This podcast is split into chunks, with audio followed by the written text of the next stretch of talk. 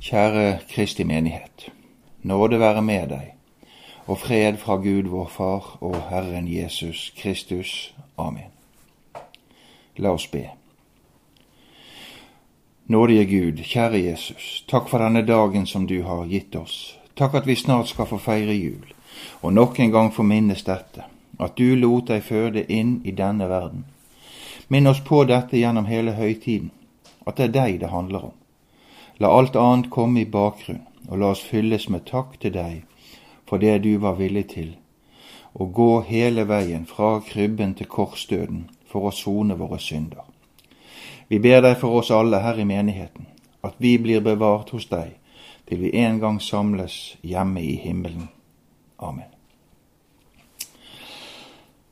Denne søndagens hellige prekentekst står i evangeliet etter Matteus, og vi leser i det ellevte kapittel fra vers to.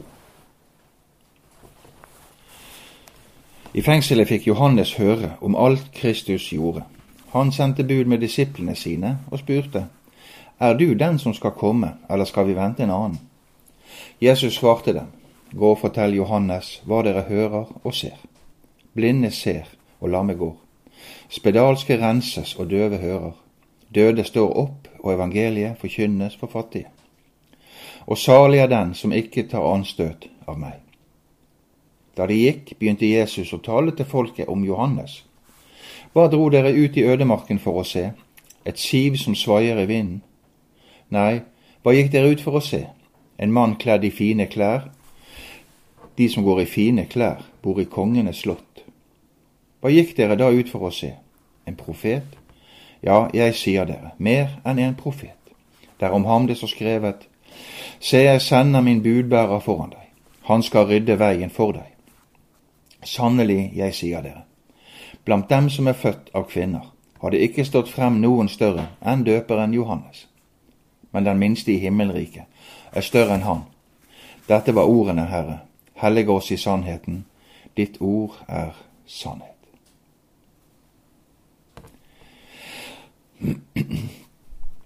I Det nye testamentet bruker evangeliene en hel del plass på å fortelle oss hvem døperen Johannes er, hva hans gjerning og tjeneste består i. Ja, også Det gamle testamentet skriver om ham. Siste boken i GT, for eksempel, Malaki, der leser vi Jeg sender min budbærer, og han skal rydde veien for meg, sier Herren, herskarenes Gud. På denne måten står døperen som et bindeledd mellom den gamle og den nye pakt.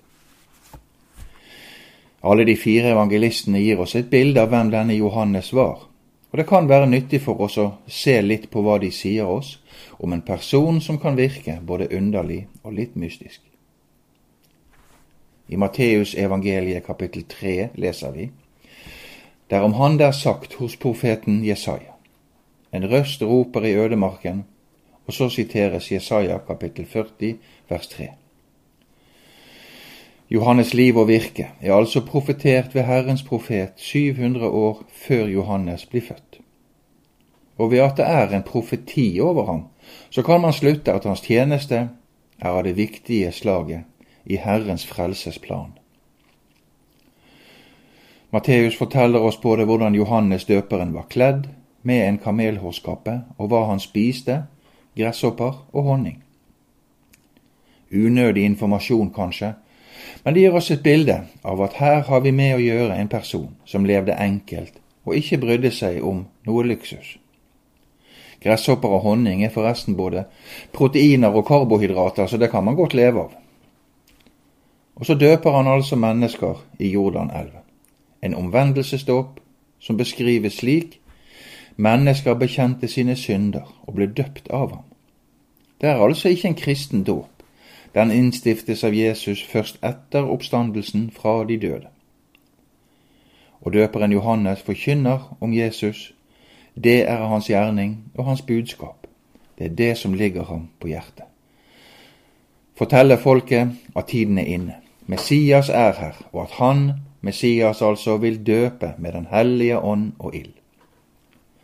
Døperen er ikke verdig til engang å knytte skoremmen hans, sier han. Og så refser Johannes fariseerne, som vil døpes av ham. Ormeyngel kaller han dem, og avslører dem og hva som bor i deres hjerter. Dere kan ikke bare si at dere er Abrahams barn og tro at det gjør dere rettferdige overfor Gud. De mente seg å tilhøre Gud, for de var jo et utvalgt folk, og holdt alle Guds lover, mente de. Kanskje er det litt slik som mange tenker i dag. Jeg er jo både døpt og konfirmert, det får da være godt nok. Omvend dere, sier Johannes. Og så forteller Matteus oss om Jesu dåp. Johannes nekter jo å døpe Jesus. Jeg bør bli døpt av deg, sier han, og det er jo en helt naturlig tanke, all den tid Johannes-dåpen skjer, i og med en synsbekjennelse. Johannes skjønte jo at Jesus hadde ingen synd å bekjenne, men det hadde døperen. Men Jesus insisterte på dette, og så blir han døpt. Ikke på sin egen synsbekjennelse, men på din og min. Han som er uten synd, henter liksom vår syndeskyld ut av dåpsbadet og bærer det frem til forsoningen på korset. La det nå skje, sier Jesus, slik at all rettferdighet kan skje fyllest. Nå ja, dette lille ordet, som forteller at tiden er inne. Nå er tiden kommet for at Guds store frelsesplan skal iverksettes. Ikke for tidlig, ikke for sent, men akkurat på rette tid. Den tid Gud har fastsatt i sitt råd. Og Johannes er veiarbeideren som legger ut den røde løper for Jesus og Gud anerkjenner Jesu dåp med duen og sin røst fra himmelen. Dette er min elskede sønn, hør ham, sier Gud. Vi har flere steder i Det nye testamentet som forklarer oss konsekvensene av Jesu dåp. Han som ikke visste av synd, har han, Gud altså, gjort til synd for oss, for at vi i ham skulle få Guds rettferdighet. Se der Guds lam som bærer verdens synd, sier Johannes. Og vi skjønner av dette at Jesu dåp ikke kan tas til inntekt for det syn som i dag hevdes, at vi ikke skal døpe barn, men voksne troende. I Oldkirken ble det sagt slik, ifølge en kirkehistoriker Everett Førgesen, at Johannes' dåp av Jesus Kristus ble forstått som en foregripelse av Jesu død og oppstandelse, og dermed også med hans frelses gjerning. Ved sin dåp gjorde Jesus til kjenne at han gikk inn under følgene av menneskehetens synder for å frelse dem. Så langt Ferguson. Markus begynner sitt evangelium med en kort introduksjon av Johannes. Han slår fast at Johannes er den som profeten Jesaja forutsier skal komme, og som døper mennesker slik at syndene deres blir tilgitt. Og så lærer vi at ved dette begynner Jesus sin offentlige gjerning. I Lukasevangeliet får vi høre den underlige beretningen om hvordan far til Johannes, Zakaria, får besøk av en engel mens han gjør tjeneste i tempelet.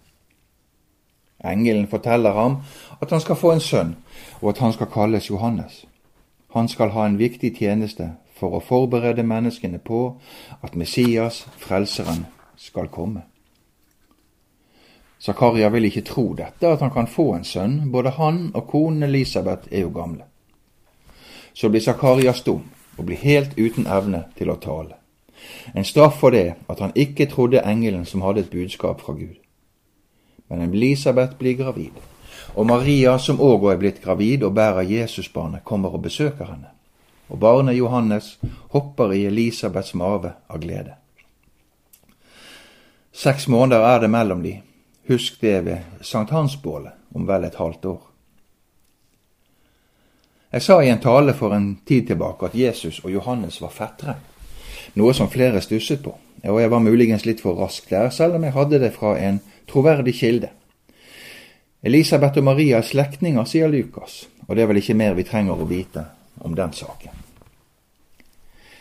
I Johannes evangeliet får vi et noe annet bilde og en noe annen vinkling på hvem døperen Johannes er. Særlig dette at Jesus er Guds sønn, understrekes av Johannes i kapittel 1. Og to av Johannes' disipler følger nå etter Jesus og blir Jesu disipler. En av disse er Andreas, Peters bror, og blir brukt til å hente Peter. Andreas sier like ut til sin bror, Vi har funnet Messias, kom og se. Når så, Johannes, eh, når så Jesus står fremme, kan Johannes tre tilbake, og hans gjerning er fullført. Han faller aldri for fristelsen til å bli en konkurrent til Jesus, men legger i alle ting opp til dette, at det er Jesus det handler om. Jeg skal avta, sier han, slik at Jesus kan bli større. Et motto for livet vi alle burde ha. Er du Messias? spør fariseerne. Nei, svarer han. Er du Elias? Nei, svarer han. Er du profeten? Nei igjen. Jeg er en røst som roper i ødemarken. Det er jo ikke akkurat mye å rose seg av, å rope i ødemarken. Johannes er ikke verdens lys, det er det Jesus som er, slik det står i Johannes evangeliet kapittel 1 vers 8. Det er Jesus vi skal gå til. Han er det vi skal søke i våre bønner. Han er det vi skal gå til med alle ting, med våre problemer, med våre svake og sterke sider, med vår sang og med vår bønn, og ikke minst med vår takk for at vi får høre ham til. Når vi oppsummerer døperen Johannes sin tjeneste, er det flere ting vi kan lære og legge oss på hjertet. Johannes refset kong Herodes for sitt ekteskap med sin halvbrors tidligere kone.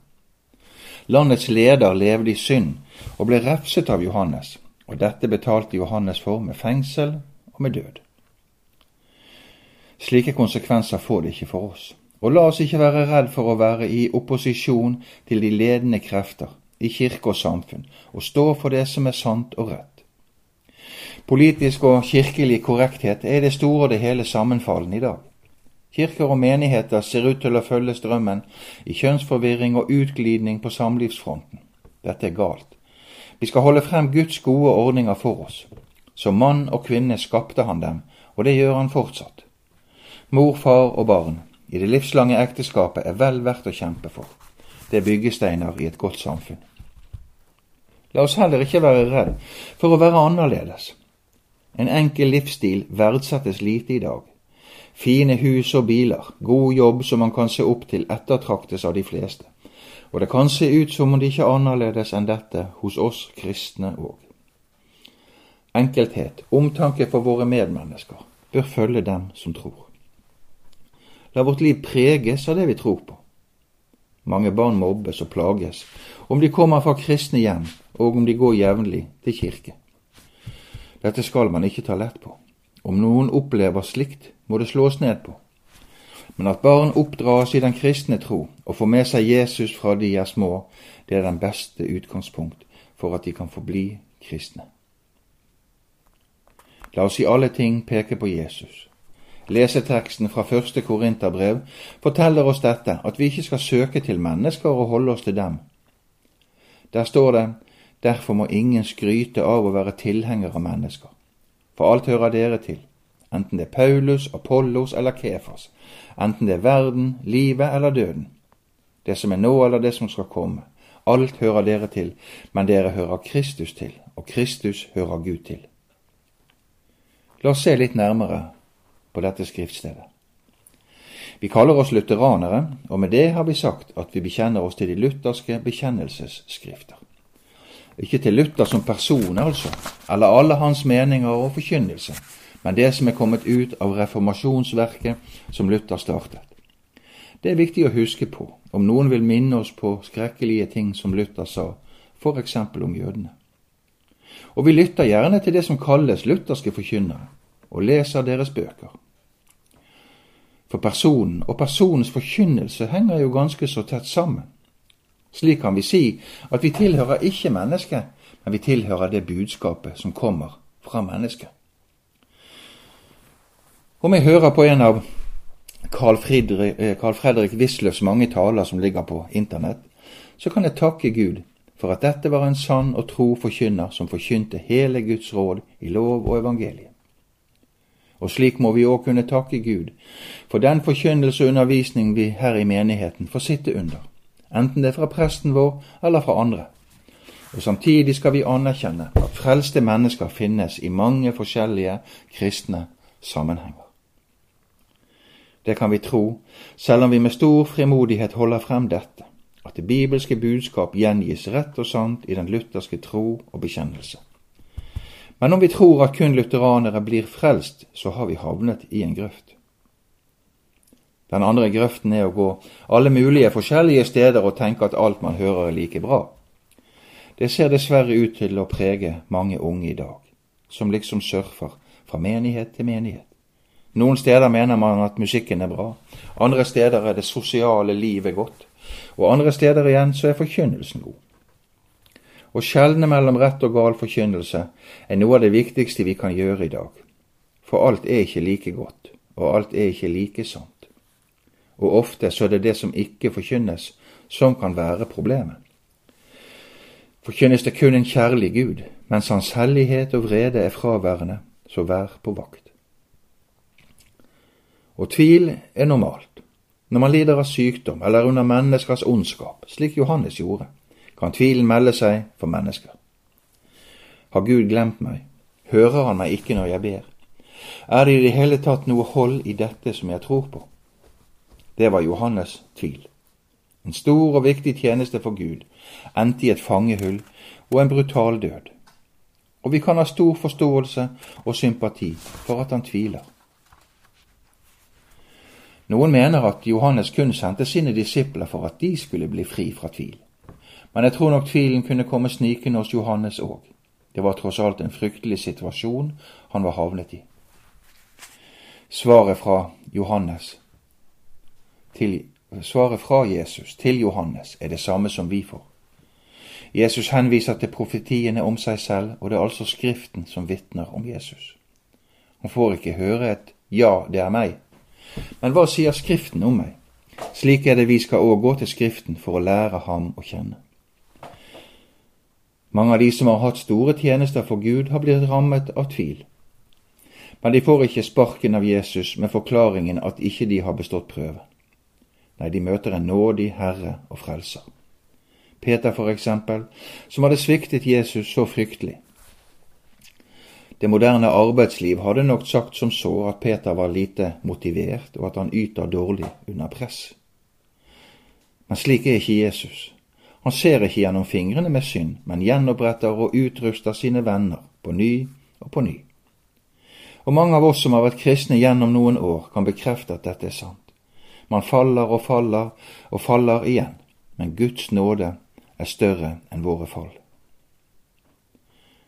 Og la oss så huske på dette, at tvil er ikke motstykket til tro. Det er ikke det motsatte av å tro. Det kan jo faktisk være noe positivt i det å tvile om dere forstår meg rett. For eksempel, hvordan var dette med Jesu oppstandelse igjen? Kan man tro på det? Hele vårt liv hviler jo på dette, at døden er beseiret av Jesus. Vel, om man tviler på det, kan man gå til den kilden som beskriver det, nemlig evangeliet, de overleverte øyenvitneskildringer. Og så kan man jo begynne å vurdere de alternativer som der er nevnt. Disiplene tok Jesus mens vi sov, sa soldatene, som skulle vokte Jesu grav. Ikke så veldig troverdig argument akkurat, for om de sov, kunne de vel ikke vite hva som skjedde. Og hvem ville våge å sove på et slikt oppdrag de hadde fått? Og om steinen ble rullet vekk, ville de vel våkne av lyden. Slik kan tvil føre mennesker til tro, om man gransker Skriftene. For oppstandelsen fra de døde er rett og slett troverdig akkurat slik som den er beskrevet. Og mer enn én har blitt en troende ved å studere Bibelens beretninger om dette og om andre ting i Skriften. Så hvor retter man sin tvil? Spør Jesus, sa Johannes til sine disipler. Slik tvil er ikke farlig. Går man til Jesus med den, kan det føre til mer og sterkere tro, i motsetning til vantroen som gjerne søker svar alle de feile steder. Om vi skal oppsummere det hele ut fra dagens bibelske beretning, kan vi si det slik. Jesus er døpt av Johannes. Døperen Johannes dør på en brutal måte, som et slags underholdningsinnslag på en fest, og Jesus har startet sin vandring hos menneskene. En jordisk vandring som ender med korsfestelse, død og oppstandelse, og som ikke slutter der, men fortsetter, fortsetter den dag i dag ved annet dette at Jesus er til stede her hos oss akkurat nå i dag. Jesus, Guds lam som bærer verdens synd, betaler vår gjeld og soner alle våre overtredelser. Derfor kom han, og ved troen på dette har vi del i en fullkommen frelse. Dette må være med oss inn i høytiden, som for denne verden preges av nisser, mat, drikke og alskens ting og tang som vi egentlig ikke trenger, og som bare skygger for det det egentlig handler om. Barnet som fødes, er Gud selv, og så kan våre hjerter fylles med takk og lovprisning av Ham som har gjort alt ferdig for oss. Betalt vår gjeld, sonet vår synd, og som en dag kommer tilbake for å hente sine, levende og døde. Om vi kommer inn i tvil, anfektelse eller syndenød, så gå til Jesus. Fortell det til Jesus, si det akkurat slik som det er, ærlig og rett frem.